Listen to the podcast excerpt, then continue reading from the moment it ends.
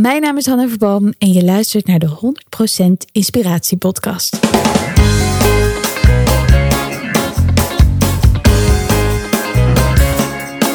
Hey, wat goed dat je luistert. Hij staat weer voor je klaar. Je wekelijkse dosis inspiratie is weer daar. De allerleukste gasten geven al hun kennis prijs. Met je veel te blije host, hij praat je bij. Zijn naam is. Thijs, Thijs,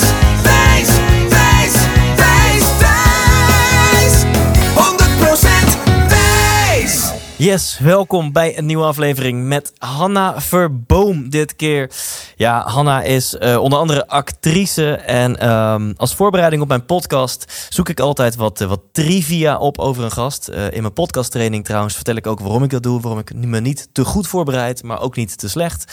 Ehm, maar ik heb hier een lijstje van 20 bullet points die elke even impressive zijn. Eh, dus ik ga er gewoon een paar van noemen om, eh, om Hanna te introduceren. Ze groeide op in eh, Kenia, Oeganda en Sudan. Ehm, in 2004 brak zij door als presentatrice van Top of the Pops. Ken je het nog? En in de Nederlandse film Snow Fever. Nou, en al snel, een jaar later, mocht ze meedoen aan een Amerikaanse productie. Namelijk Deuce Bigelow European Gigolo. Nou, en vervolgens volgen nog eh, een hele hoop toffe wapenfeiten. Onder andere over haar als actrice. Maar ook zeker over Hanna als eh, ondernemer. Want in 2009 richtte zij de stichting Get It Done op. Een organisatie die kleinschalige projecten in ontwikkelingslanden initieert. Eh, waardoor er dus echt is. Dat het geld heel duidelijk een bestemming heeft. En dat ook eh, 100% zeker is dat het goede doel wordt eh, behaald. Dus eh, daar maakt ze een enorme impact mee op de wereld. En ik kan me ook niet anders voorstellen dan dat jij na dit interview een abonnement neemt op Cinetree, haar eh, filmplatform. Ehm, en misschien denk je wel, fuck Netflix, ik ga gewoon eh, dat budget uitgeven aan Cinetree. Want daar heb ik misschien wel veel meer aan. En steun je indirect ook nog eens haar projecten van Get It Done. En dat maakt dit een tof interview is geworden. Niet alleen daagt Hanna jou uit om jouw dromen achterna te jagen. Maar, en dat vind ik nog veel belangrijker, Hanna heeft mij weer geïnspireerd om ja, maatschappelijk betrokken te zijn. Om veel voor een ander te doen. Om niet alleen voor jezelf te leven, maar ook voor anderen. En dat eh, kan zij, wat mij betreft, als geen ander uitleggen. Dus Hanna, fantastisch eh, ehm, dat jij je hart hebt geopend in dit interview. Je hebt mij geraakt en daarmee ga je hopelijk ook de luisteraar raken. Dus eh, lieve luisteraar, ga ervoor zitten of staan of rennen. Maar ga. Hier is Hanna. 100% Ik heb er helemaal zin in, Hanna. Ik ook, Ja. ik ook. Ehm, eigenlijk moeten mensen dit interview, als ze dit horen, ook gewoon gaan kijken, vind ik. Ja? Want nou, je ziet er prachtig meer- uit. Je hebt je ook nog eens extra gesteld met deze prachtige hoed. Ik dacht, ik zet een hoed op, speciaal Ja. voor de kijkers thuis. En we hebben... eh, Eigenlijk omdat nou, ik net helemaal nat geregend ben, maar dat eh, hoeft niemand ja, te weten. ja, want we zitten hier in Utrecht in een werfkelder. Werfkelder van Grow Media. Dus dit interview wordt mede mogelijk gemaakt door eh, Grow Media. Dankjewel, Het bedrijf van mijn goede vriend eh, Bart Boonstra. Eh dankjewel Bart. Ehm, nou, en we, we hadden net een voorbespreking van eh 3,5 minuut. En toen dacht ik, oké, ik moet nu al stoppen, want ik wil allemaal vragen aan jou stellen. Want je doet zoveel. je hebt acteren gedaan, presenteren, ondernemen, sociaal ondernemerschap. Ehm, en dat triggert bij mij heel veel vragen. Maar we gaan beginnen Mooi, bij het begin. En dat is, ehm, Hanna, wat wil je worden als je nou te groot bent? Oh, ja, ik weet nog dat mij die vraag gesteld werd toen ik klein was. En toen had ik echt honderd verschillende antwoorden. Ik wilde architect worden, ik wilde piloot worden, ik wilde kinderadvocaat of rechter of advocaat worden. En, eh, Ik wilde echt allerlei verschillende dingen worden. Dus ik denk dat toen ik later ging acteren, dat die droom ook wel een beetje in vervulling kwam. Want ik heb Mhm. toen natuurlijk heel veel verschillende rollen mogen spelen, verschillende personages. Ja. Ehm, ja, ik had niet één ding. Ik was vooral nieuwsgierig en ik wilde op avontuur en ik wilde ontdekken en, en nieuwe werelden zien. Dat, En eh, had het dan, in eerste instantie is het acteren geworden. Eh, een model ben je ook geweest. ja, ehm, echt een blauwe maandag hoor, maar ja, Ja, eventjes. nou echt een blauwe maandag. Ik kijk even op mijn speakbrief in 2003 eh, Elite Model Look wedstrijd gewonnen. Ja, ja, ja, nee, dat ja, klopt. Alleen ik ben toen vrij snel gaan acteren. En ehm, ja, modellenwerk was ook niet helemaal aan mij besteed. Ik, ik was ook een beetje eigenwijs en ik wilde. Dat- dat- dat ik- wordt- dat is niet de bedoeling als Nee, model. je moet niet eigenwijs zijn. En eh, ik, ik, vond het ook, ik vond het ook niet zo heel leuk. Ik vond het veel Ja. hetzelfde. En eh, Aan de andere kant, ja, het was toen ik studeerde, was het te gek om te doen, omdat je wel Ja. goed geld verdiende. Ja. En dat was beter dan eh, achter een kassa werken. Of, maar, het Maar- niet helemaal mijn nee. ding. Is Nee. het misschien, en nu ga ik gewoon een aanname doen, is het misschien te oppervlakkig voor jou? Zou, zou jij niet gelukkig kunnen worden als dat eh, je fulltime beroep was, zou zijn? Nou, ik, ik denk als je echt een heel eh, succesvol model bent en je, weet je, je kan de hele wereld om, rondvliegen en eh, je kan ook een beetje kiezen welke dingen je wel doet en je kan daarnaast je blijven ontwikkelen, weet je, door een studie te doen of, of andere dingen te doen. Ehm, dan denk ik dat modellenwerk echt nog wel heel, ook wel echt wel uitdagend kan zijn. Maar ehm, ja, voor mij, zeker omdat acteren voorbij kwam, ik vond dat veel leuker. Ik vond het veel leuker Ja. om, eh, ja, om echt eh, samen met een team iets, iets te creëren en om een rol vorm te geven. En eh, ja, dus dat. Dat, ja. En je, je noemt heel veel dingen die je wilde worden vroeger. Als we aan een kleine Hanna vroegen wat wil je worden als je later groot bent. En uiteindelijk is het in eerste instantie acteren geworden. Had het net zo goed iets anders kunnen worden waar ook avontuur in zit? Goeie vraag. Ehm, misschien wel. Aan de andere kant, ik zit even te denken. Ik was. ehm, ik ben opgegroeid in, in Afrika. En dus het acteren als vak was voor mij eigenlijk helemaal niet iets waar ik vaak mee in aanraking kwam. Dus ik heb ook nooit gedacht, ik wil acteren toen ik jong was. Ehm, en, maar toen ik de eerste keer op het toneel stond, ik, eh, deed, eh, ik zat bij een soort to- eh, studenten toneelgroep Ja. toen ik aan het studeren was in Amsterdam. En dat was voor mij wel een, een moment dat ik echt dacht, wauw, dit vind ik echt te gek. En dat had te maken aan de, met de dynamiek van een, van een groep. Weet je, samen iets creëren, een stuk creëren waar je maanden voor repeteert, Ja. wat je vormgeeft en wat uiteindelijk, eh, ja, wat je uiteindelijk op een, op een podium brengt. Maar ook de interactie met het publiek en, en, en de focus van nou ja, anderhalf, twee uur helemaal present zijn. ehm, omdat je iets aan het vertellen bent of ergens nou ja, een rol speelt. Dat waren wel dingen die, eh, ja, die, ik, die ik te gek vond. En ehm, ik weet niet of ik iets anders had gedaan. Ja. Ik denk, ik geloof ook wel heel erg dat dingen gebeuren zoals ze gebeuren. En dat dat dan de afslag is Nou, die dat, dat, dat vind ik dan een mooie vraag. Ben jij iemand die heel gefocust met een plan ergens naartoe werkt? Of ben je meer iemand die anticipeert op dus de, de flow en de dingen die op je afkomen? Ik zou willen dat ik heel. ik zou willen dat ik kon zeggen dat ik heel gefocust ben en heel gestructureerd. Maar dat ben ik niet. Ik heb wel echt een creatief brein. En dat betekent ook dat het af en toe een beetje rommeltje is. En eh, eh, dat het veel meer associatief. Mijn hoofd werkt veel meer associatief. eh, Mhm. ehm, waardoor ik inderdaad reageer op dingen die op mijn pad komen. Dus ja, niet altijd volledig gefocust, maar wel heel erg risico's durf te nemen en, en gewoon ga. Ja. Ehm, ja, dus de- de- ik denk ook wel, ik, ik, ik vind het begrip open handen heel mooi. Ik vind het heel mooi om ehm, het leven ook een beetje aan te gaan met nou ja, wat er op je pad komt. Weet je, dat je daar, eh, ehm, dat je daar ook op, op in kan gaan en dat je het niet heel erg krampachtig probeert het te vormen zoals jij dat wil. Ja. Maar de balans ligt natuurlijk ergens in het midden. Ja. Want ja, soms als je doelen wil beha- wilt behalen, dan, dan moet je zeker ook wel die focus aanbrengen. Heb je dat voor je gevoel wel eens gedaan? Dat je te krampachtig iets wilde bereiken? Ja, ik denk het wel. Ik, ik vind het soms. Ik heb een heel. ehm, ja, hoe zeg je dat? Eh, sterk, creatief denkend hoofd. Dus ik kan me soms eh, dingen heel goed voorstellen hoe het zou moeten zijn of hoe ik zou willen dat het zou zijn. En dan kan ik het heel moeilijk vinden als het niet zo gaat. Als het, of om iets los te laten. Dus dat is een beetje de. de ik, ja, ik denk ook wel de voordelen en de nadelen van, van creatief zijn. Want je hebt diezelfde. Het is het eigenlijk een creërende kracht. Je ziet iets wat er nog niet is. Ja. En dan ga je daar vol voor. En dan ga je dat tot realiteit brengen. Maar het kan je dus ook heel erg tegenwerken. Eh, want sommige dingen, ja, die kan je niet helemaal eh, creëren zoals je dat zo zelf zou willen. Eh, dus dan moet je dat loslaten.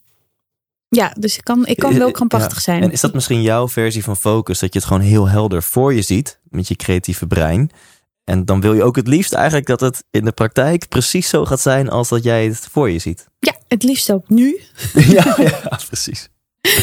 Ja, zeker. Ja, ja, absoluut. Ik, ik, ik moet ergens in geloven eh, voordat ik er helemaal voor kan gaan. En Ja. dan ga ik ook helemaal en all the way. En dan laat ik ook niet los. En ja, ik denk dat dat ook zorgt voor nou, ook een stuk ondernemerschap. Weet je, dan kan je inderdaad dingen van de grond krijgen. Ehm, maar er zijn ook momenten dat je moet accepteren, oké, nu, weet je, het ga, het, het, nu hou ik daarmee op. Want Ja. nu eh, gaat het niet, of misschien is het, heeft, is het gewoon niet de bedoeling. Dat, Ja. Ja, want in 2004 was, was jouw doorbraak bij het grote publiek met de film Snow Fever en ook als presentatrice van Top of the Pops. Ja. En als mensen dit horen denken, wow, Top of the Pops. Ja, dat was gewoon echt een super groot ding vroeger. Toch? Ik weet niet meer op vrijdag of zaterdag of zondagavond of zo, maar ik keek dat altijd. Ja. En dan eh, Ja, zag je de gek. nieuwste artiesten hun eh, nieuwste hits playbacken. En dat was dan eh, waanzinnige televisie, toch?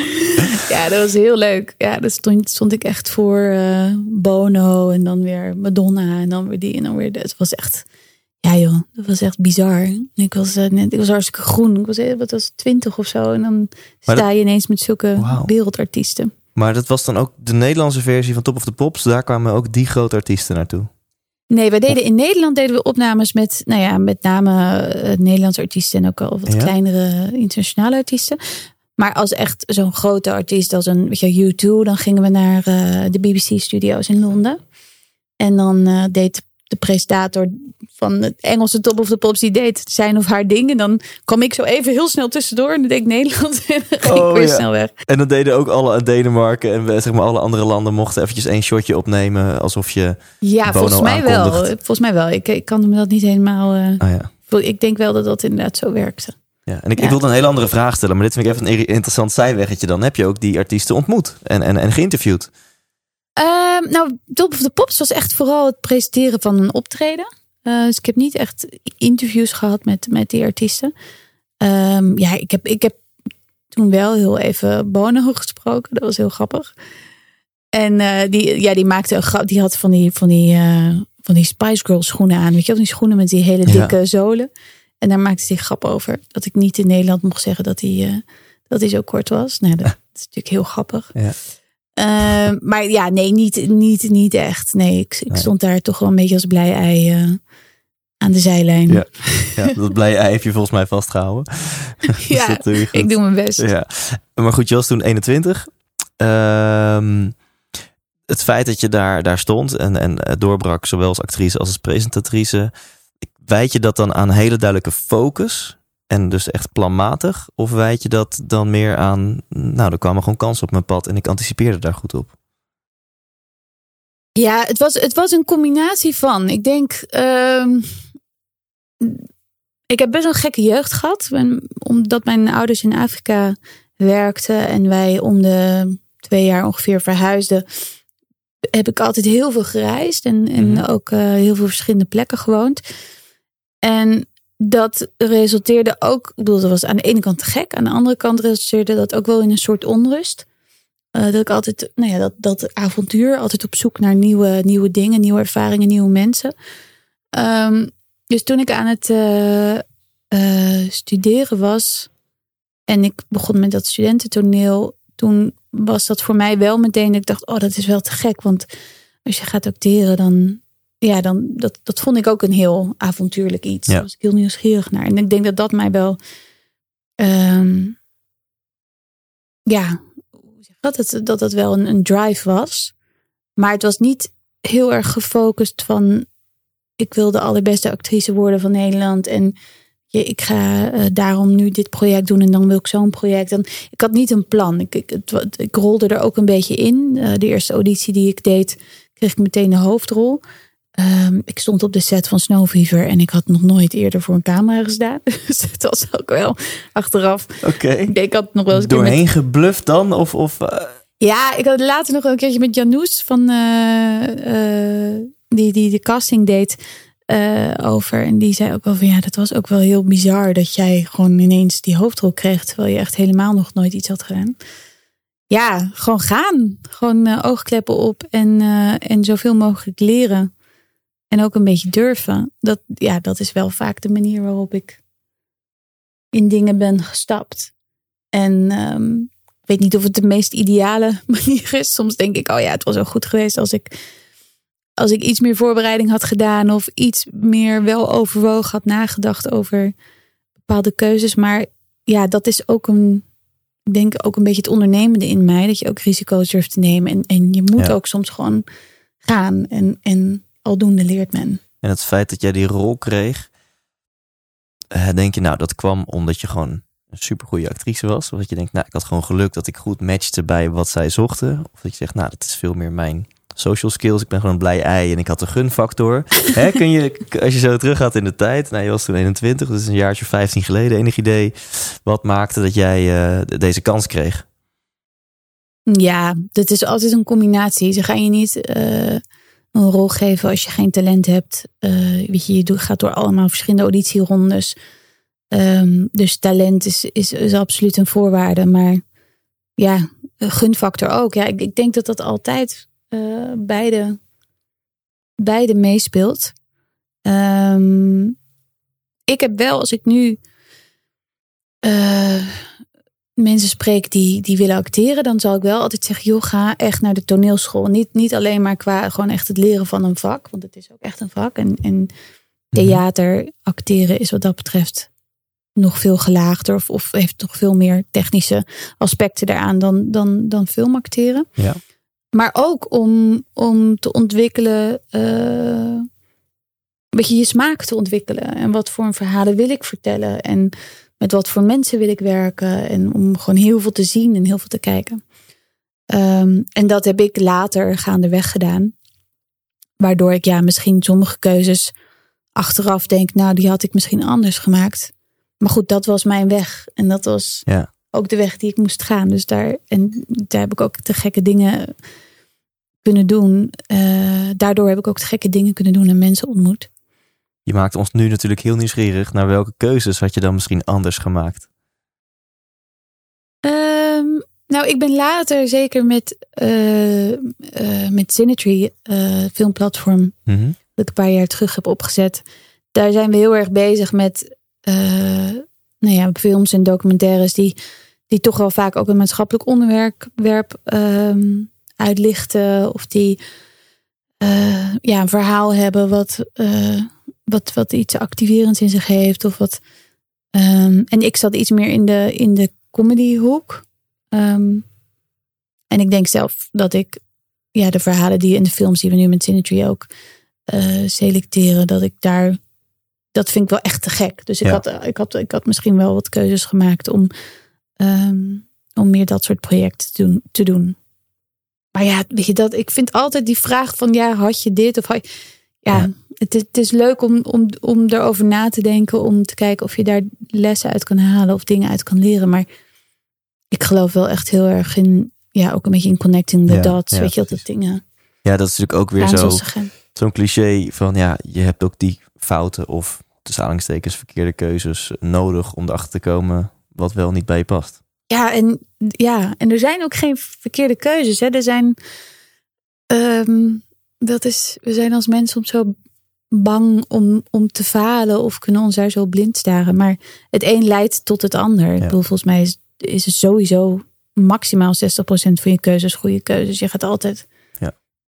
40% slechte keuzes maken. Ja, Nou ja, dit is wel mooi. Stel, Deal, deal with it. stel dat verwachtingspatroon bij. Als, als, als 60% van jouw keuzes, als die enigszins goed vallen, dan ben je best lekker bezig. Dan ben je heel goed bezig. Ja. Ja, dat is, er zijn ook allemaal onderzoeken naar gedaan.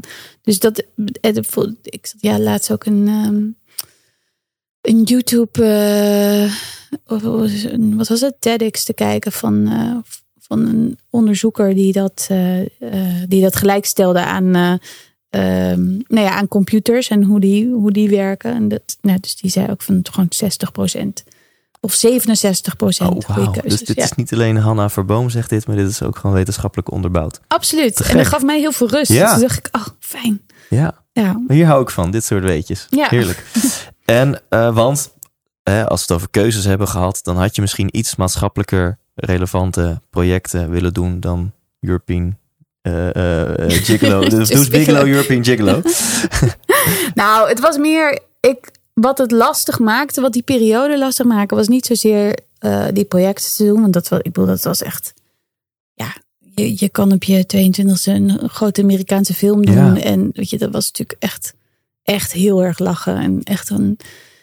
Uh, ook wel een ja, echt heel bijzonder dat, dat, dat ik daar als uh, beginnende Nederlandse actrice ja.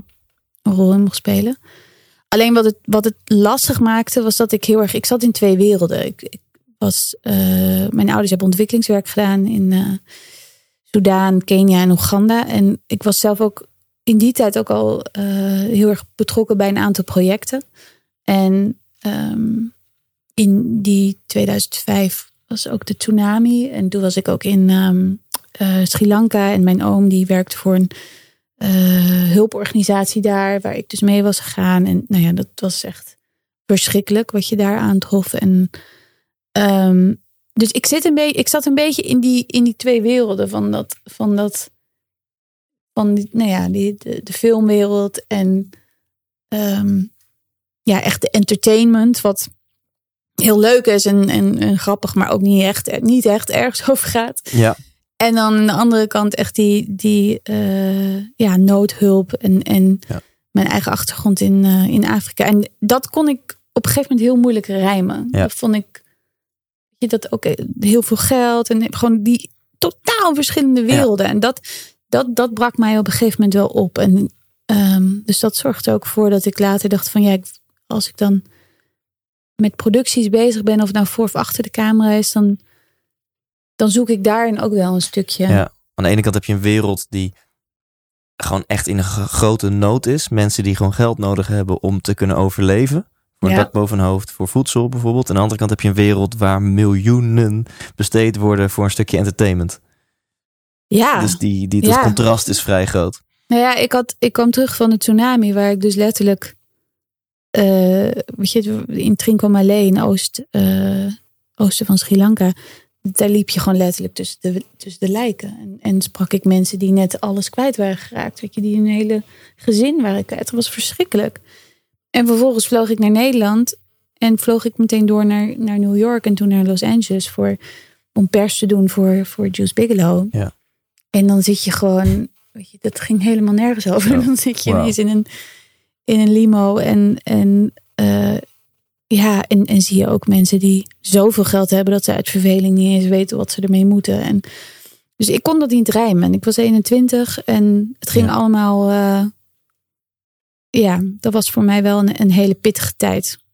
En ik wil hier zo, zo dadelijk veel meer over weten. Uiteindelijk in 2009 ben je je eigen uh, stichting begonnen. Of uh, is het een stichting? Get It Done? Ja. ja.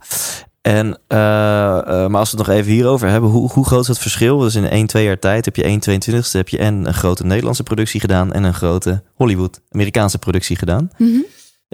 Was daar een groot verschil tussen op de set en, en, en alles eromheen, de organisatie, hoe dat werkt? Ja, het was een, was een heel groot verschil. Ik bedoel, de ene film was.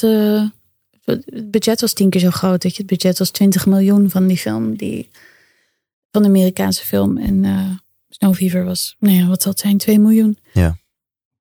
Dus het was totaal anders. En ik had voor, weet je, een trailer. En, maar het was, nu, nu hebben we veel je, je had meer. je eigen Hanna Verboom trailer. Met jouw eigen... Ja, of dan een kamertje in een trailer. En, ja, precies. Ja, maar ja, het is wel... Ja, dat, er was gewoon veel en meer even geld. voor de mensen die dat niet weten. Bij Nederlandse filmsets is dat ietsjes anders. Ja, Nederlandse filmset zat je, me, zit je meestal ergens achterin. Uh, tussen de dozen. In de... ja. Nee, dat, dat valt wel mee hoor. Dat ligt ook heel erg aan welk project het is. Ja. Uh, maar in die tijd was... Nu hebben we best wel veel weet je, Hollywood producties in Nederland gehad. En weet je, we hebben uh, Chris en Michiel en Marwan. En we hebben best wel een aantal acteurs die daar ook uh, heel goed doen. Maar in die tijd was dat, was dat helemaal nieuw. Dus heel Amsterdam stond ook wel een beetje op zijn kop. Ja. Dat er zo'n grote productie in, uh, ja. op de grachten werd gefilmd. En in die tijd begon bij jou al dat zaadje te groeien. Ook omdat je dus mede vanwege het beroep van je ouders best wel veel betrokken was bij ontwikkelingswerk.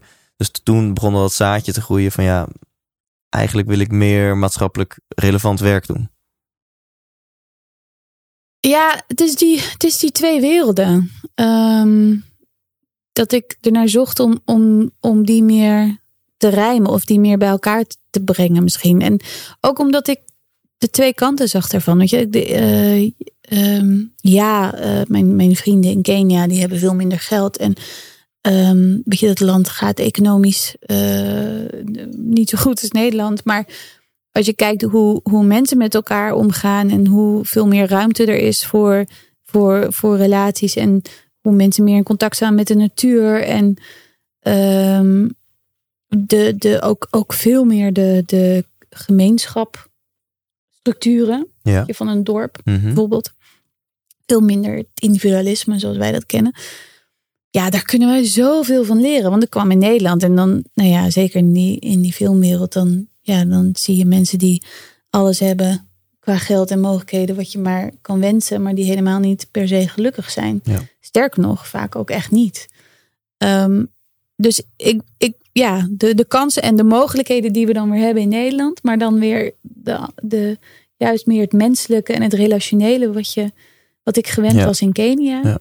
Eigenlijk zag ik dat, dat beide werelden elkaar van elkaar veel konden leren. Ja. Maar er was niet één richting op. Nee. Het was zeker niet dat, eh, ja, dat dat alleen eh, dat wij in Nederland zoveel te brengen hebben. Wij hebben op veel, veel vlakken hebben we, lopen we achter, denk ik. En hebben we veel te leren. Ja, heel veel te leren. En bedoel je dan bijvoorbeeld jou, jouw vrienden in, in Kenia noemde je? Eh, eh, dat, dat we van hun kunnen leren hoe je dus veel meer de, de verbinding met de natuur vindt en met jezelf en samen ehm, problemen oplost in plaats van het individualisme wat we hier hebben? Ja, het, de grenzeloze optimisme die je, die je soms tegenkomt in eh, nou, bijvoorbeeld Kenia, waar ik dan langs heb gewoond. Vergeleken met alle mogelijkheden, al het geld, alle veiligheid, alle, alles wat wij eigenlijk hier hebben. En dan, nou ja, de, de wat is het? 80 pro- 68 procent van Nederland en België lijdt aan depressie of aan eh, angststoornissen. Heeft daar aan geleden. Dat is gigantisch. Dat is niet normaal. Het is echt niet normaal. Ja, om en, depressief van te worden. nou ja, ja dus de ergens, ergens slaan we toch een plank mis. ja. Wat, wat, leer wat leren jouw vrienden eh, in Kenia jou dan over geluk? Ehm.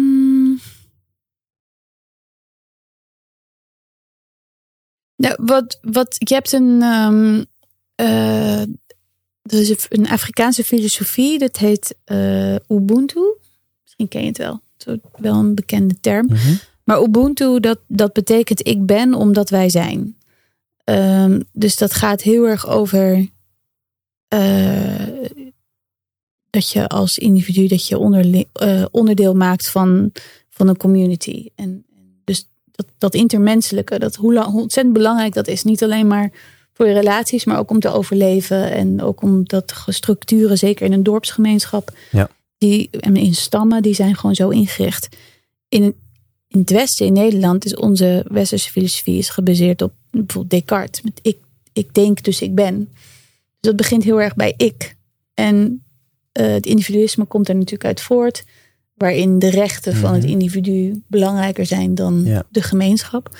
Ik denk dat daar een heel groot geheim in zit. Het ik-denken versus het wij-denken. Ja. Ik denk dat je heel erg ongelukkig wordt als je heel erg vanuit je ik denkt. En dat is, ja, dat kom je natuurlijk eh, bijvoorbeeld tegen met mensen die alles hebben. En toch nog steeds heel ongelukkig zijn. Omdat ze, ja, misschien toch een bepaalde verbinding missen. Ja.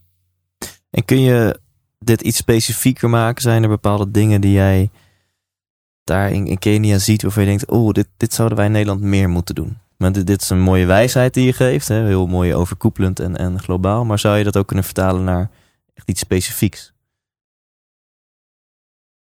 Ehm. nou ja, ik, ik denk dat dat. eh dit is niet alleen maar iets wat je doet. Het is ook wel de omstandigheden. Ik denk dat er ook een paradox in zit. Dat op het moment dat je al, dat al je. Weet je, je hebt die piramide van, eh, Maslow? van Maslow. Weet je, dat je omhoog gaat in die piramide. Ehm, ja, dan heb, dan heb je ook steeds meer ruimte om heel erg met jezelf bezig te zijn. Ja. Met je eh, ontwikkeling. Ik denk dat dat gewoon ook niet per se goed is voor een mens. Ehm, maar goed, de, de- dat is natuurlijk anders op het moment dat je, dat je een paar honderd euro hebt per maand om eh, van te leven. Ja. En eh, ehm, voor je hele familie moet zorgen. Maar, maar goed, daar zit het wel in. Ehm, ik ga best wel vaak terug naar Kenia. Eh, ik heb daar ook, eh, ja, voelt voor mij ook een beetje als familie. En ehm, als ik daar naartoe terug ga en ook naar het dorpje waar ik dus ben opgegroeid ben en, en dus mijn, mijn Keniaanse familie ook zie, ja, dan, dan ga ik daar ook vaak logeren. En dan logeer ik in zo'n heel klein hutje in the middle of nowhere. En weet je, dan zitten we rond het, rond het vuurtje en dan worden er chapatis gebakken. En ja, ben je heel bazaal met elkaar het communiceren, omdat we zij niet super goed Nederlands of Engels spreken. En, ehm, en op een gegeven moment is het, eh, is het ook donker en ga je gewoon slapen om acht uur. Want je hebt daar ook niet heel veel elektriciteit en, eh, enzovoort. Maar je bent volledig in het moment. En je bent volledig met elkaar.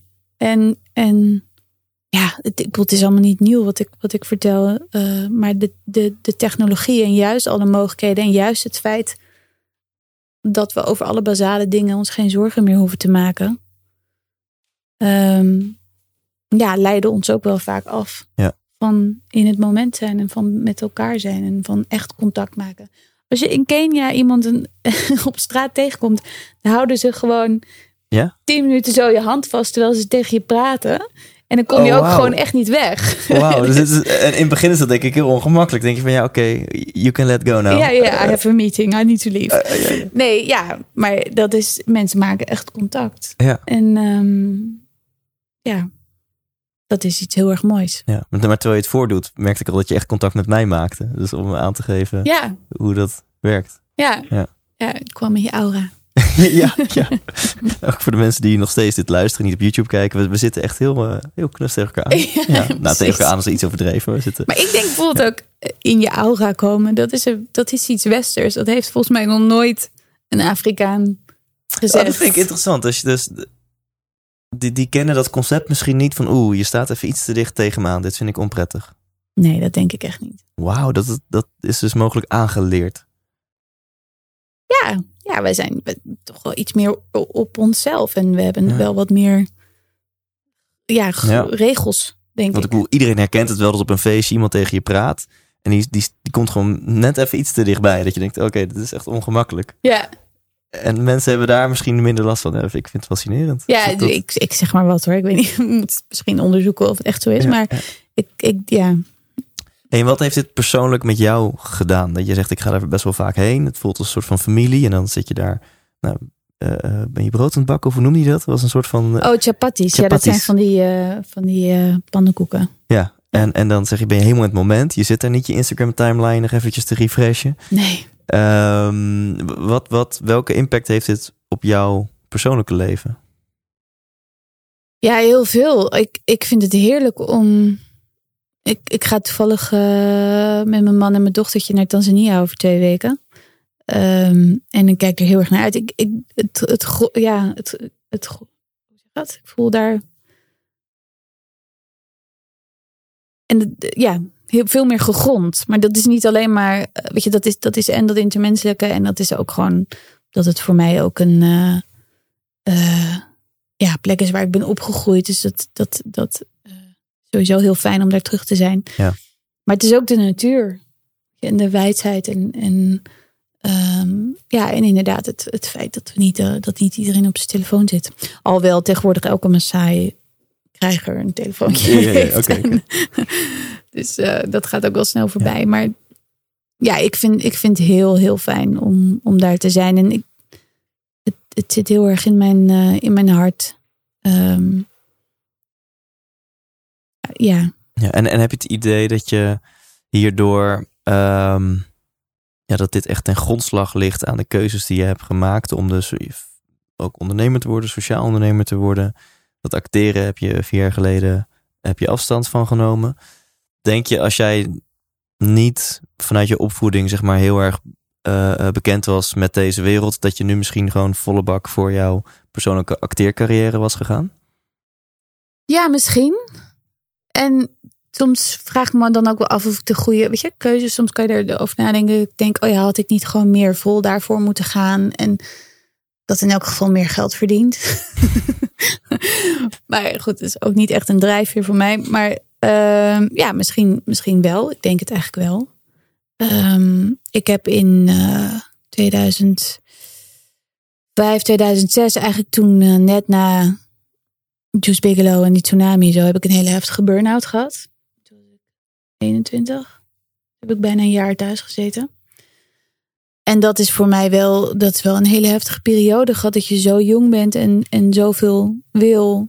Maar dat blijkbaar je niet helemaal uh, in één lijn, uh, uh, hoe zeg je dat, handelt. Ik denk, ja, ik denk voor iedereen, maar voor mij zeker dat het heel belangrijk is om dingen te doen waar ik ook, waar ik ook echt in geloof. En als ik in twee totaal verschillende werelden zit en die niet helemaal kan rijmen, dan en dan ook heel hard aan het werken ben. En ik had ziekte van Fiverr gehad. En we speelden nog veel meer dingen mee. Maar ja, dan, dan op een gegeven moment kan ik niet meer. En dat is wel. Um, het is voor mij wel heel belangrijk om, om werk te doen. Wat ook echt in lijn is met ja, waar ik in geloof en waar ik energie van krijg. En, ja. Ja. ja wat, wat heftig, want super jong is dat. Ja. En een, een burn-out komt vaak niet alleen van te hard werken, maar vaak ook van werk waar je geen energie van krijgt. Ja. Hoe zat dat bij jou? Ja, uh, combinatie. Ik had, uh, ik studeerde en van de een op andere dag was ik bijna fulltime aan het acteren. En dan ook de, de, de gekkigheid van ineens bekend zijn en interviews en dat soort dingen. Uh, dus dat is gewoon heel, heel hard werken. En, en dan ook die, die twee werelden.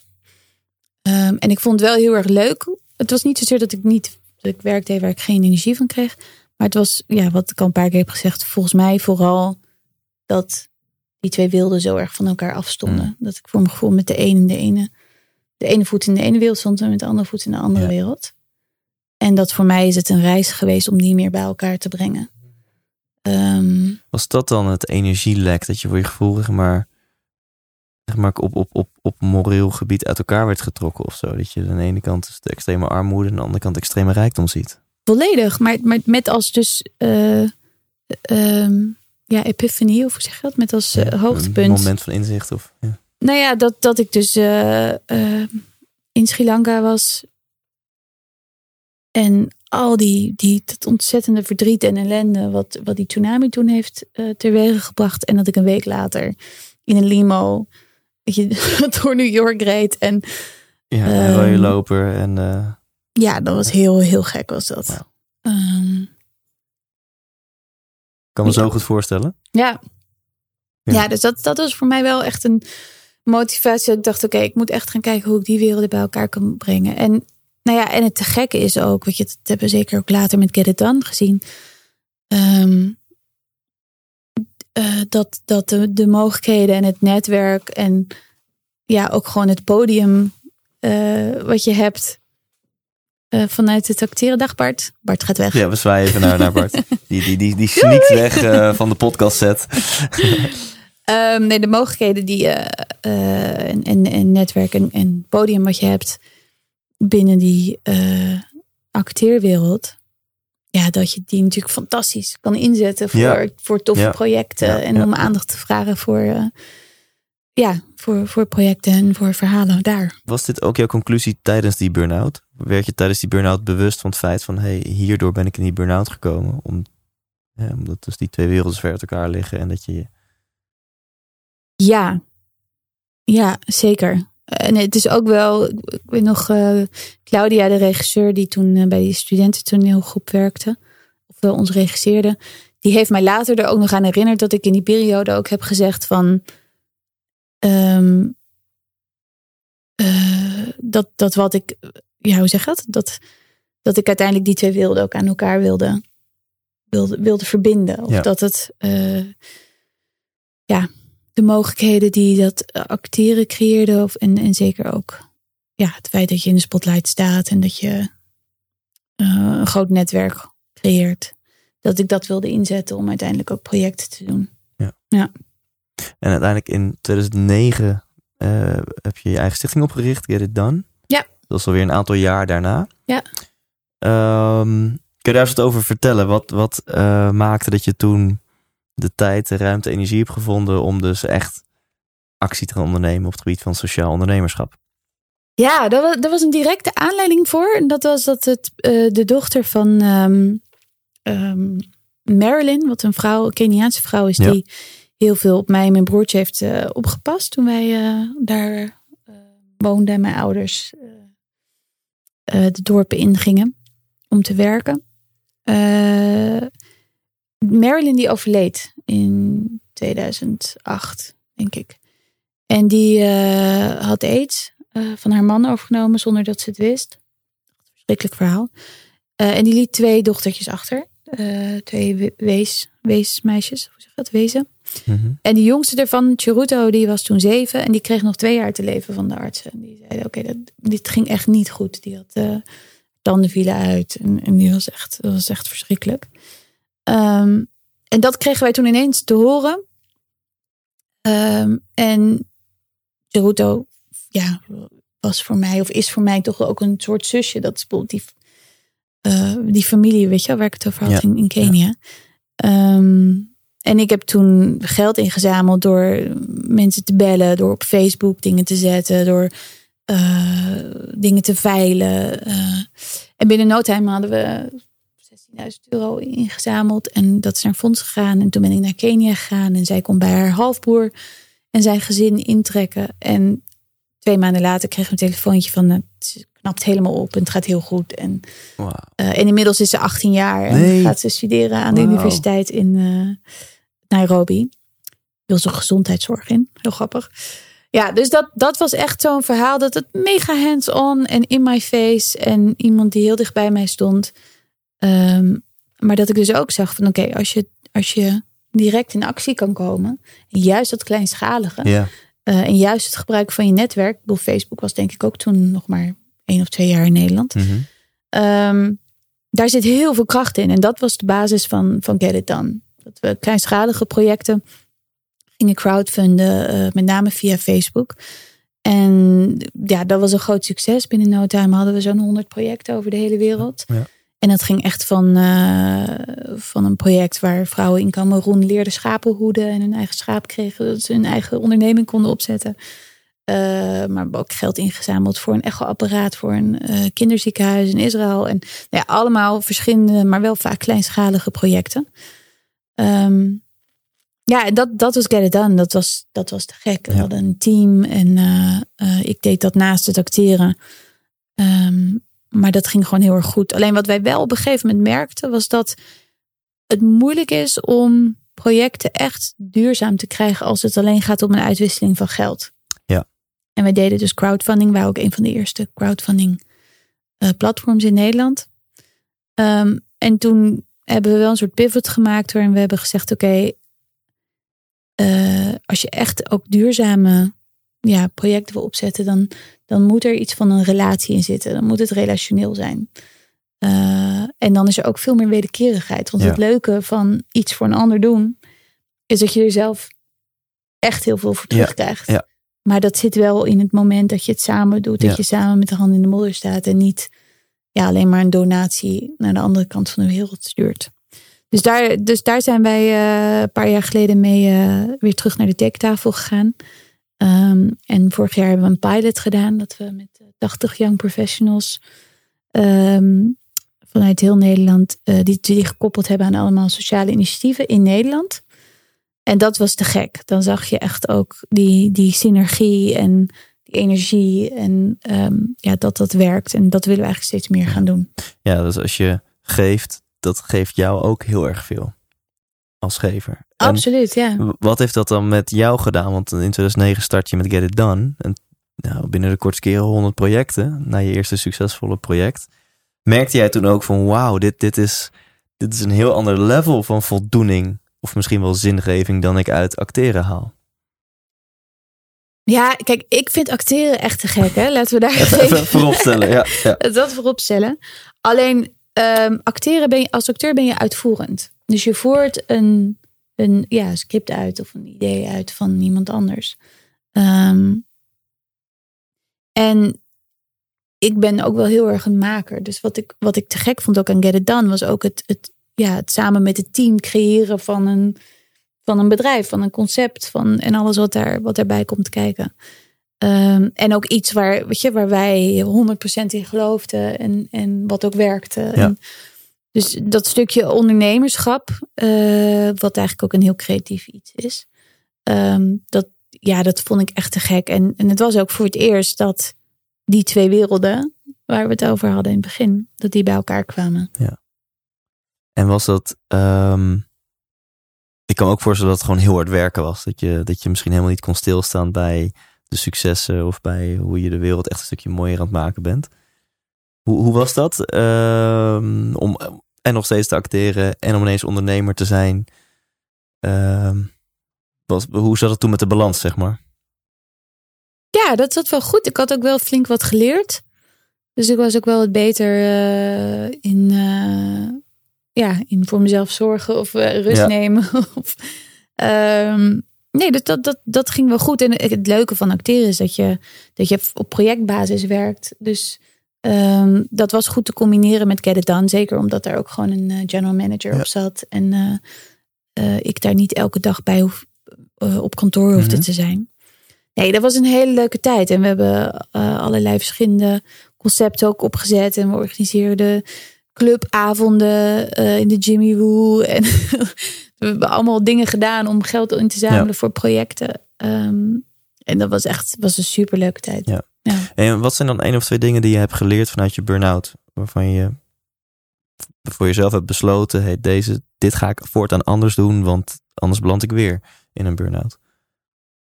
Eh, nou, tweeledig. Enerzijds voor mij persoonlijk die eh, meer die alignment krijgen. Je hebt zo'n dus zo'n boek van eh, Joseph Jawolski volgens mij. Mhm. Eh, en heet Synchronicity. En dat gaat, nou ja, synchroniciteit op het moment dat je waar je goed in bent, waar je van houdt, eh, wat je leuk vindt en waar je geld mee verdient. Je, als alles meer in één lijn komt, dan Mhm. ontstaat er een synchroniciteit en dan gaan dingen vanzelf. En dan belt opeens die ene persoon je. En dat gegeven, daar geloof ik ook heel Ja. erg in. Dat is die, die flow waar we het Ja, ook wel eens ja, over hebben. Eh, dus dat was voor mij een, een, een heel belangrijke les. En ja, die andere les die ging ook wel. Dat boek las je toen, in die periode. Eh, ja, die heb ik iets later. Nee, iets later heb ik die geleerd, maar of gelezen. Maar wel dat ik, ik ja, het was voor mij wel duidelijk dat ik dat, dat het iets meer naar elkaar, die twee Mhm, werelden iets ja. meer naar elkaar moesten, Ja, ja, ja. moesten komen, omdat ik ze niet helemaal eh, kon rijmen anders. Ehm, ja, en, en ja, ik zit ineens te denken, maar dat is een zijspoortje. Maar dat het ook wel te maken had met mijn jeugd. Dat ik zo vaak verhuisd was. Dat ik heel erg gewend was, was om me aan te passen aan de omgeving. Ja, In plaats van dat je zelf heel goed weet wie jij bent en wat jij belangrijk vindt. En, en ja, gewoon dezelfde persoon blijft, zeg maar. Dus ik denk dat dat, dat voor mij, mij persoonlijk ook wel eh, iets was wat ik, wat ik mocht leren om ja, met ook de vrienden die je langer dan twee jaar kent, vriendschappen die je langer dan twee jaar kent, ontwikkelen en eh, iets meer wortels schieten. Ehm, en daardoor ja, kan je ook makkelijker in Ja. verschillende werelden eh, verplaatsen. een, Maar dat is meer een stukje psychologie. nou, nee, ja, en dit is een mega groot inzicht om even zo die link te leggen tussen vroeger en daar geïnstalleerde patronen en nu. Kwam dit uit jouzelf of, of eh, kwam dit vanuit eh, therapie of andere hulp? Nee, ik heb toen geen therapie gedaan. Het was wel. ja, wel. Ik, ik, ik, hoe zeg je dat? Ik. eh proces dingen. Ik process. eh, Verwerk? ik verwerk dingen altijd heel erg door erover te praten. Ja. Dus wel gesprekken en. ehm, ja, ook wel inzichten. En het is ook wel een, een uitzonderlijke jeugd. Ik denk niet dat het per se goed is voor een kind om om de twee jaar te verhuizen. Mhm. Ik denk dat het heel belangrijk is dat je vriendschappen maakt en dat Ja. je, eh, ja, het is ook te gek hoor. Er zitten zeker voordelen aan, maar ja, daar ben ik wel veel mee bezig geweest. Ja. Oké, hoe kan ik ervoor zorgen dat ik wel, eh, ja, die, die wortels schiet en die Ja. vriendschappen Ja. eh, ontwikkel die, eh, die mijn hele leven meegaan en, en niet dat ik elk jaar weer wil verhuizen. Ja, precies. je bent een supergoeie chameleon geworden. Hè, Ja. Je aanpast aan je omgeving, Ja. wat absoluut een kracht is. Ja. Maar je moest ook even ontdekken, wat is mijn eigen kleur eigenlijk? Volledig. Ja, en dat, ja, dat, is, dat is heel belangrijk, denk ik. Dat je, ja, dat je daar ruimte voor creëert. En dat je daarnaar kan luisteren. En dat je ook weet welke mensen en welke dingen jou eh, ja, maken tot wie je bent. Ja. En, enzovoort. Nou, die mooie, mooie termen.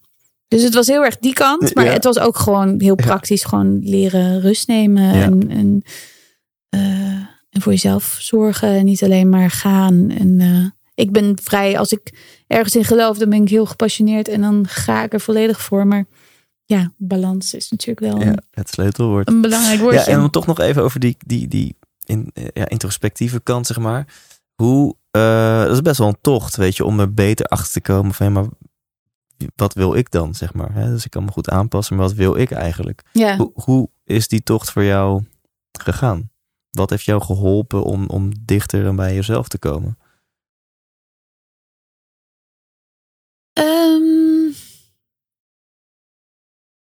het, is, het is wel met vallen en opstaan geweest. Ik die burn-out heeft daar een grote rol in gespeeld.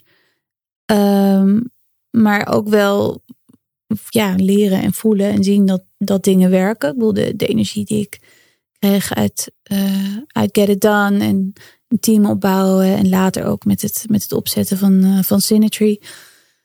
Ehm, ja, dat, dat, dat heeft wel. eh, daardoor vielen dingen wel op zijn plek. Ja.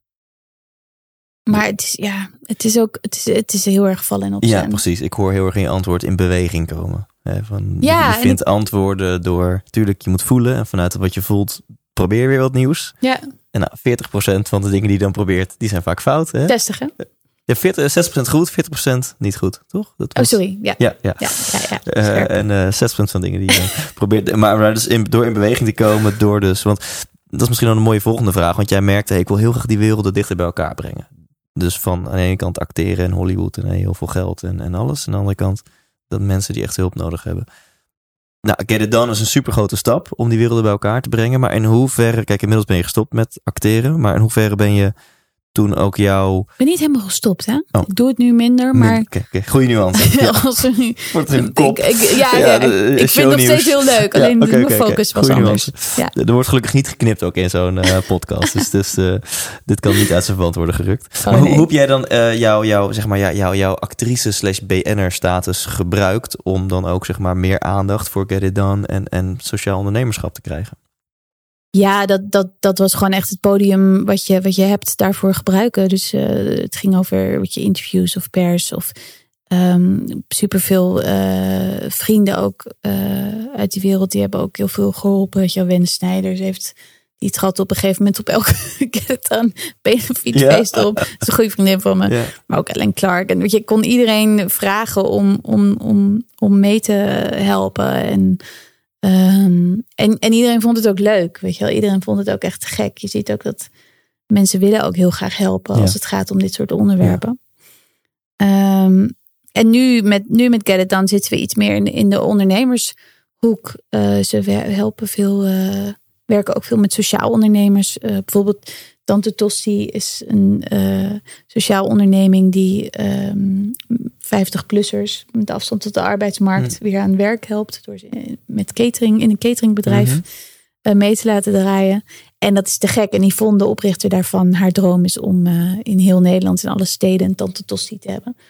Dus dan ben ik weer bezig om haar weer te koppelen aan, Ja. aan topondernemers Ja. die dan met haar gaan zitten. Aan, nou ja, dus, dus die op die manier verbinden, dat is heel leuk. En je ziet ook dat mensen, dat, dat, er, dat er echt een wederkerigheid in zit. Dat het eh, voor beide heel erg leuk is. En dan gewoon even een hele praktische vraag. Als je dan zegt, nee, je bent niet gestopt met acteren, maar je doet het wat minder, laag pitje. Hm. Ehm, eh, hoe ziet dan nu zeg maar jouw, jouw week eruit? Als mensen denken, ja, Hanna Verboom, ja, wat doe je eigenlijk maandag tot en met zondag? Waar besteed jij je uren aan? En, en misschien ook zelfs wel, hoe kom je financieel rond? Zeg maar, hoe zit dat? Eh, waar haal jij je inkomen uit? Ja, ehm, ik heb net een gekke drie maanden achter de rug. Omdat ik drie maanden geleden een dochtertje heb gekregen. Mhm. Ehm, dus eh, ik ben wel ja, een beetje blijven doorwerken. Maar gemiddeld een dag per week en dan thuis. Eh, en ehm, dus mijn leven ziet er, eh, ja, zag er, was ook heel erg leuk. Maar dat was vooral op pad met, met de kleine. We zijn verhuisd. We zijn op het platteland gaan wonen. Uit, vanuit Amsterdam. Ja, Dus dat, eh, nou ja, dat is eh, ook een avontuur. ik kan me voorstellen. Ehm, maar gemiddeld eh, werk ik twee, drie dagen op kantoor bij Synergy. Ongeveer één dag per week aan Get It Done. En ja, ja, en daarnaast doe ik, doe ik nog andere projecten. Dus ik doe soms ook keynote. Ja, of de- ja, dagvoorzitterschappen of, of spreken Ja. over Get It Done eh, op eh, verschillende plekken. En, ehm, en ik ben wel bezig ook met nou ja, het kijken of ik ook wel weer wat dingen ga. Of we willen eigenlijk, nou, het is een beetje een vaag verhaal, maar Nou, het is vrij concreet. Drie dagen Symmetry, één dag Get It Done. En Ja. één dag En één dag ben ik gewoon met Sarah. Dus dat is ook heel belangrijk. Ja. Als je nu Ehm, ook op jouw naam googelt trouwens, dan krijg je alleen maar eh, moeder en zwanger en Oh, dochter. ja? En alleen maar... Ja. eh, ja, dat zijn eh, natuurlijk toch de, de leuke berichten. ja, ja. Ja, nee, dat. En we- en we- Ik wil met Synergy heel graag meer producties ook zelf gaan Ja. maken. Kun je misschien iets meer erover, want Get It Done, daar hebben mensen denk ik nu een mooi, mooi beeld van, wat jullie doen. En we mogen straks nog ongegeneerd pitchen waar mensen al hun geld kwijt kunnen en zo. Maar wil je ook wat meer vertellen over, over Synergy? Ja, ja, ja, zeker. Want het is een soort van Netflix, maar dan voor wat maatschappelijke relevante films. Zie ik het zo goed? Ja, we, we noemen de films die we programmeren, hadden we een leuke zin voor bedacht. Films die langer bijblijven dan dat ze duren. Dus het, het verhaal Ja. of eh, ja, dat het toch iets langer. eh, nou ja, je, je, je kent wel, weet je, als je een film of een documentaire hebt gezien die gewoon waar je een week lang nog over nadenkt. Ja, dat je de volgende dag tegen al je collega's en vrienden en... eh, ja, daarover ja. vertelt, omdat het zoveel indruk heeft gemaakt. Dat zijn de, de films en, en documentaires die wij programmeren. En het lijkt op Netflix in de zin dat het een abonnement is en dat je het eh, online eh, nou ja, kan kijken of op eh, Smart TV app en op je computer. Maar het verschil is wel dat wij echt geloven in een selectie. Dus wat ik, wat, waar ik vaak tegenaan liep in Netflix, was dat ik dan een uur lang aan het swipen was en uiteindelijk toch niet echt iets keek. mhm. Ehm, en wij geloven heel erg in een selectie. Dus wij selecteren met, eh, met eh, verschillende experts. Eh, dat zijn filmacteurs of regisseurs, maar ook journalisten en schrijvers. Denk aan, aan of een Joris Luijendijk. Of, die selecteren de films met ons. En, ehm, en die kan je kijken. Zo kijk je zo'n eh, 10, 15 films per maand. Wat heel erg scheelt in keuzestress. Ah, wat fijn. Ja, en ik interviewde laatst iemand over burn-out en millennials en alles. En die zei, ja, het is een van de redenen dat we zoveel keuzes hebben. ja. Dat we, dus het is goed, gewoon minder keuze. ja 15, minder 10, keu- 15 films per maand, ook nog eens door niet de minste samengesteld. Nee, zeker, zeker. En, en we schrijven artikelen rondom de films. En eigenlijk, wij geloven dat elk film heeft een, een onderwerp of een thema. En, en die, eh, die willen we dan ook verdiepen. Dus dat, Ja. dat doen we met die artikelen, maar ook door zelf eh, korte documentaire series of een interview eromheen te maken. Ja. Dus dat is heel erg leuk. En Ja, het gaat ook heel tof. goed. We zijn eh, vorig jaar eh, verdubbeld en net break-even. Tof. Tof. dat is ook wel echt Ja. heel fijn. En dat wil ik ja, echt kijken hoe we dat kunnen, kunnen uitbreiden en ook meer producties kunnen maken. We hebben vorig jaar met National Geographic een korte documentaire serie gemaakt over eh, microplastics. En ehm, ja, dat, dat, dat vind ik gewoon te gek als we die onderwerpen die in de films belicht worden, als we die nog meer kunnen uitdiepen. In, eh, Maar dit is toch tof? Dit is precies Interviews. wat jij zegt, wat je al op je 21ste eigenlijk voelde. De brug slaan tussen, tussen film, acteren en, en, en maatschappelijk Ja. werk. Dat heb je gewoon honderdduizend procent gedaan hiermee. Ja, en het leuke is, ja, ik, dit is, zo, is ook echt te gek. En dat is hard werken geweest, maar dat, dat ik, ik krijg een beetje kippenvel op het moment dat je het zegt. ja. Dit is ook echt heel leuk om te zien dat dat bij elkaar komt. En het, het eh, allerleukste is dat we nu ook steeds meer Get It Done projecten ook weer koppelen. Dus we hadden bijvoorbeeld eh, ehm, een documentaire over een bejaardenkoor in Amerika die alleen maar rock en roll nummers zing- zingen. Echt te gek. Moet je ook zien. Mhm. Ehm, Young at Heart heet die documentaire trouwens. En ehm, die hebben we dan weer gekoppeld aan, of die, die, hebben we laten zien aan, eh, aan een bejaardentehuis in Amsterdam. En daar hebben we weer interviews gedaan met de bezoekers. En dat hebben we vervolgens weer gekoppeld aan een nieuwsbrief, waarin we eh, de leden enthousiasmeerden om ook vrijwilligerswerk te gaan doen Ah, in uh, bejaardentehuizen Ja. in, in je buurt. Omdat het natuurlijk, nou ja, eenzaamheid onder ouderen natuurlijk een heel groot onderwerp is. En dan komt dat dus samen. Dus dat stuk inspiratie van een film kijken, verhaal kijken, geactiveerd worden en dan meteen ook zelf iets kunnen doen. Eh, het linken van inspiratie en activatie, daar, daar geloof ik heel erg in. En ja, Synergy is met, met de films en documentaires zit iets meer in die, in die inspiratie. En Get It Done gaat natuurlijk ook even, oké, nu gaan we het Ja. ook doen. En gaat over activatie.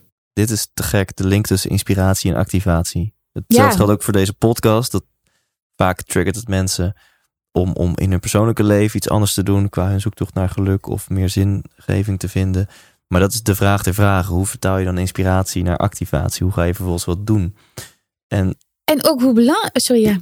nou ja, ik wil nog aan, aan toevoegen van dat is heel gaaf als je dan op Synergy een documentaire kijkt waardoor je geraakt bent. Dat dan soms ook de mogelijkheid er is om via jullie platform, omdat jij ook oprichter bent van Get It Done, in actie te komen als je dat wil.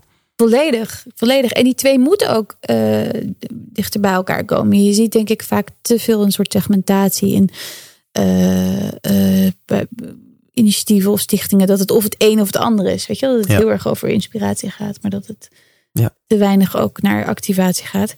En het grappige is, ik bedoel, jouw thema geluk en het onderzoek daarnaar. Ehm, we hadden het eerder over het ik en het wij denken. Ik geloof heel erg dat, dat ehm, het heel instrumenteel is voor je eigen geluk om iets voor anderen te doen. En er zijn zelfs allemaal onderzoeken eh, over waarin ze testgroepen hadden. En de een, weet je, die kreeg allebei evenveel geld. En de een mocht het aan de ander uitgeven en de ander uit zichzelf. En die eerste groep die had op alle vlakken hogere scoren. Ja, vet. Ehm, dus als je, het, als je het hebt over ik en wij denken, als je het hebt over wat kunnen wij, nou ja, bijvoorbeeld van mijn Keniaanse vrienden leren, als je het hebt over inspiratie en activatie, dan, dan zit er een geheim in, in het geactiveerd worden om iets voor een ander te doen. Ja. Want dat haalt, er zit iets magisch in, weet je, dat haalt je. Franciscus van Assisi die zei: For it is in giving that we receive. En wij zijn soms zo erg bezig met hoe kan ik meer Ja, meer krijgen. En ik, ga, ik wil wel geven, maar ik geef als ik genoeg heb. Alleen Ja. onze definitie van genoeg, die, die is er eigenlijk Ja. niet. Want het is dus eigenlijk dan nooit genoeg. Terwijl als je hem omdraait, er zit een heel groot geheim in. En dat, dat, dat vind ik zo leuk van, ja, ook als ik zie dat mensen geactiveerd worden. Dat mensen samen gaan werken. Dat mensen in, in, ja, met die projecten ook aan de slag gaan. Hoe ontzettend veel voldoening dat geeft. Ja. En ja, het haalt je bij jezelf weg. misschien kunnen we wel stellen dat het bijzonder moeilijk is om gelukkig te zijn als je niet geeft. Ja, dat denk ik wel. Absoluut. En ehm, ja, en, en ik merk het bij mezelf ook hoor. Ik kan, het, is ook, het zit zo erg in onze westerse mentaliteit. Het is ook ja, het individualisme, het kapitalisme. Weet je, gelukkig wordt daar, eh, komt daar al best wel ver- verandering in. En, en zijn we met z'n allen ook bewust dat dat niet echt werkt. maar ik merk het ook bij mezelf. Dat op het moment dat ik eh, ja, bezig ben met, met mezelf of met dingen die ik vind dat ik moet hebben of mis of, of wat dan ook. Daar word ik zo ongelukkig van. Ja. Op het moment dat ik in contact sta met anderen en, en projecten doe of iets voor een ander kan doen, dat, dat, dat werkt echt als een malle. En waar kunnen mensen een abonnement eh, krijgen op Synergy? Of werkt het zo dat je net als Netflix een abonnement neemt?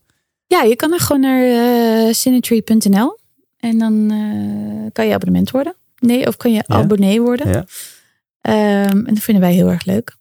Nou, bam. Laten we, we ervan uitgaan dat dit gewoon een paar honderd abonnees oplevert. Ja! Minimaal, toch? Ja, ja. Ja, nee, het is echt leuk. Het is echt een mooie, ja, het is misschien gek om te zeggen als, eh, als founder, maar ik, ik geloof heel erg in, in wat we doen met, met Synergy. En ik geloof ook echt in de, in de kracht van anderhalf uur naar een bepaald onderwerp Ja. kijken en dan ook meteen zelf aan de slag.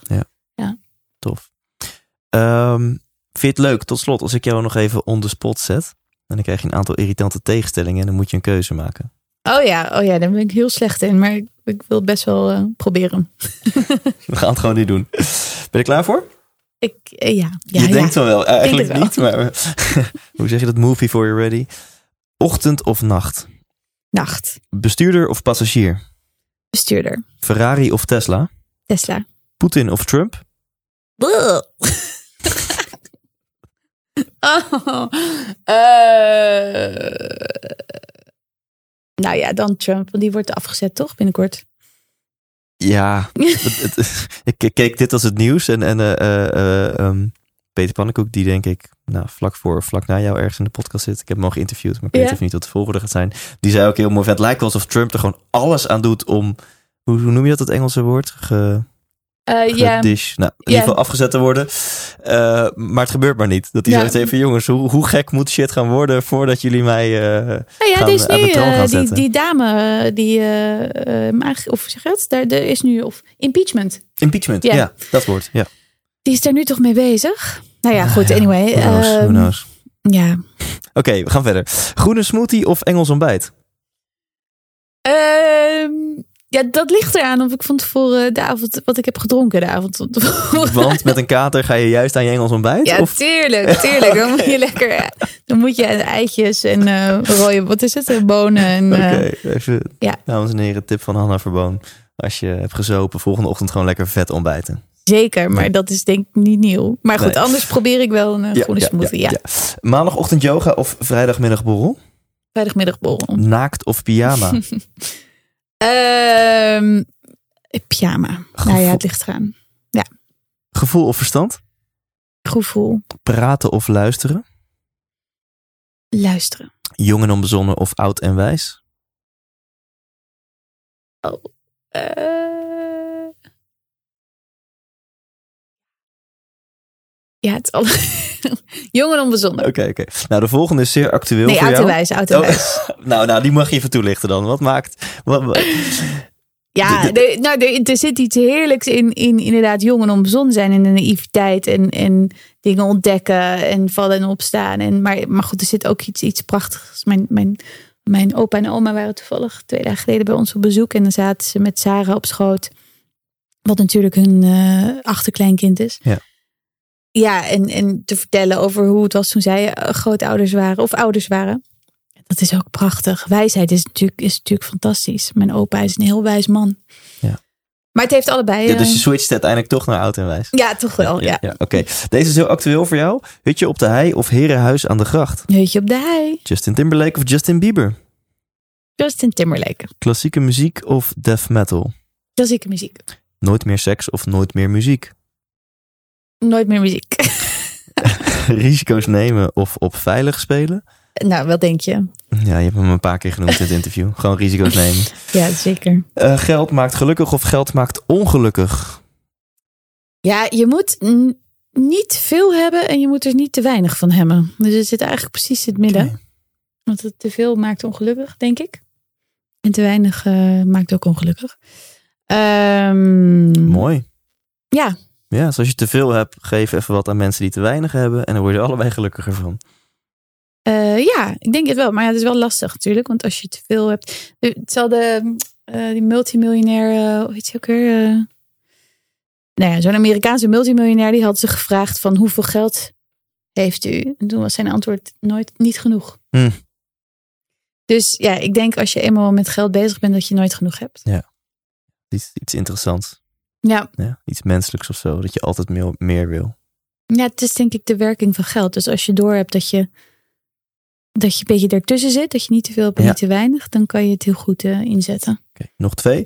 Nederland uit en er nooit meer in. Of Nederland in en er nooit meer uit. Oh, goeie. Ha.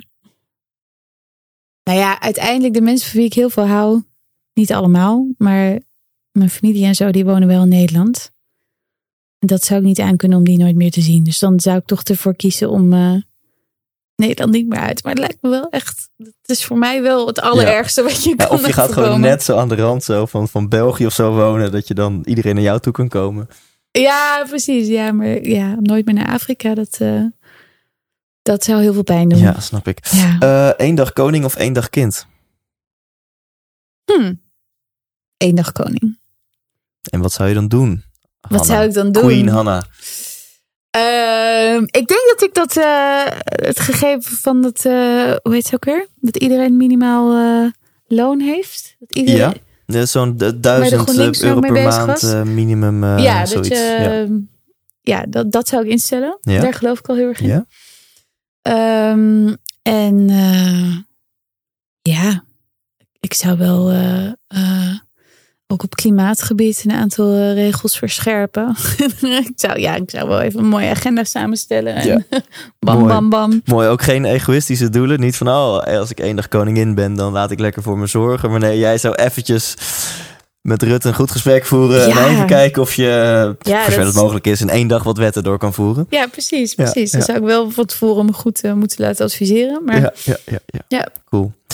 Heel tof. Ehm, ja, je hebt zoveel mooie dingen gezegd. Maar heb jij aan het einde van dit interview nog een slotboodschap? Behalve dan dat mensen natuurlijk eh, gewoon even een proefabonnement Synertree moeten gaan nemen. En dat moeten gaan checken. ja, en I get it done. Hè? Als je ondernemer bent. Ja, of, ja, of doe daar gerust een pitch welk- voor. Nou ja, we, ik ben nu op dit moment eh, met een antropoloog bezig om een, een workshop te ontwikkelen die gaat over ook de, de kracht van geven en Mhm. over gevend leiderschap. Dus echt dat geheim uit, eh, wat in geven zit. Willen we nog veel meer gaan uitpluizen en daar een workshop eh, over ontwikkelen. Ehm, maar wat we nu mee waar we nu mee bezig zijn, is, is echt gewoon verschillende projecten koppelen. Ook aan eh, mensen die hun tijd of hun talent willen inzetten. Dus ja, hou Get It Done in de gaten. Is dat how, eh, getitdone.nl? Getitdone.org. Uiteraard, getitdone.org. En, en dus, nee, je zoekt soms geld, maar soms zoek je netwerk. Soms zoek je Ja, we zitten nu handjes. Ja, we zijn nu vooral in de ontwikkelingsfase, omdat we die, eh, die workshop aan het creëren zijn en dan gaan we die ook geven. Dus ehm, nou, niet een super concrete hulpvraag, maar wel, eh, ja, hou, hou het in de gaten of volg ons op, eh, op Instagram of Ja, Facebook. Nou, ik zorg er sowieso voor dat in de beschrijvende tekst van deze aflevering dat ook allemaal terug te vinden is. En ik zal er ongetwijfeld in de outro die hierna komt ook nog wat over vertellen. Dus dan kunnen mensen Leuk. gewoon het altijd vinden. Ja, En heb je dan toch nog ook nog een slotwijsheid voor mensen? Een slotwijsheid. Ehm, ja. Ja, ja, ja, ja. Ik kijk of ik Oh, er komt er eentje hoor. Nee, er is, Ja, ik hou ja, heel erg van quotes. Oké, ja, ja. ja. Ehm, en er is een quote van Martin Luther King. Ehm, en die luidt: uh, We are all caught in an inescapable network of mutuality. Whatever affects one, affects all. Ehm, en die vind ik heel sterk, omdat wat we ook doen, wat we zeggen zelfs, alles eh, heeft uiteindelijk invloed op een ander. En wat het mooie met geven is, om, om dat onderwerp af te maken, is dat wat je ook geeft, het komt altijd bij je terug. Ja. Omdat we zo met elkaar verbonden zijn uiteindelijk als mensen. En daar geloof ik heel erg in. Dus eh, ja, misschien is dat een mooie. Dus of je nu dit een mooie quote vindt van Martin Luther King, of je gelooft in wat Napoleon Hill de oneindige intelligentie noemt, of je hebt een wat spirituelere overtuiging dat we allemaal verbonden zijn, of je gelooft al die shit niet, maar je ziet gewoon praktisch in dat alles met elkaar te maken heeft. Ja, Eh, doe het. Geef, geef meer. En eh, Nou ja, daar, ja, wordt, daar wordt de ontvanger en jij gelukkiger van. ja. Dus wel, het klinkt, als ik het zo zeg, dan is, klinkt het misschien een beetje, beetje zweverig. Maar het is, ja. Maar als mensen dit horen, hebben ze al 1 uur en 10 minuten geluisterd. Denk Dus dan- je, denk je dat mensen echt zo lang hebben? Denk je niet Ja, als dat je ze na hoort, één uur al dan- denken van nou, nu... Ja, eh, ja, ja. Nee, Nou, zo werkt als je nog luistert nu, dank je wel voor je aandacht. Ja, en dat je hebt geluisterd naar deze mooie slotwoorden van Hanna. Thanks. Precies. Jij Bos. ook bedankt. 100% wijs! Ja, wat leuk dat je ook naar dit interview hebt geluisterd. Hanna bedankt en jij als luisteraar of kijker bedankt. Ja, dat hoor je mij nu regelmatig zeggen. Eh, heb je zoiets van, ja Thijs, eh, wat wil je nou kijker? Je kan dit dus gewoon op YouTube checken. Aan de ene kant kan je denken, waarom zou je dat doen? Want het is toch gewoon een gesprek. Aan de andere kant, ik betrap mezelf er ook wel eens op... dat ik bijvoorbeeld naar interviews van Joe Rogan... die gewoon 2,5 uur duren, dat ik daar gewoon naar zit te kijken. Dat ik kijk naar een interview. En ehm, dat gun ik jou ook, die experience. Want het is stiekem leuker dan je denkt. En je hebt dan in elk geval je volledige focus bij de aflevering. Want ik hoor soms van mensen van ja, zit ik in de auto, heb ik inspiratie. Maar ja, hoe ga ik dan opschrijven? Ja, dat kan dus niet. Dus eh, ik zou het heel tof vinden als je het een keer op YouTube wilt checken. En als je dan toch op YouTube bent, klik dan even op abonneer. Die rode button, abonneer je dan op mij. Ik heet gewoon Thijs Lindhout op YouTube. En eh, dan krijg je elke week een melding als er weer een nieuwe aflevering in beeld online staat. Ehm ik hoop je volgende week weer nou, te zien via YouTube. En anders dan eh, via dit kanaal gewoon via de podcast op je favoriete podcast app of op Soundcloud of op Spotify. En onthoud, leef intens.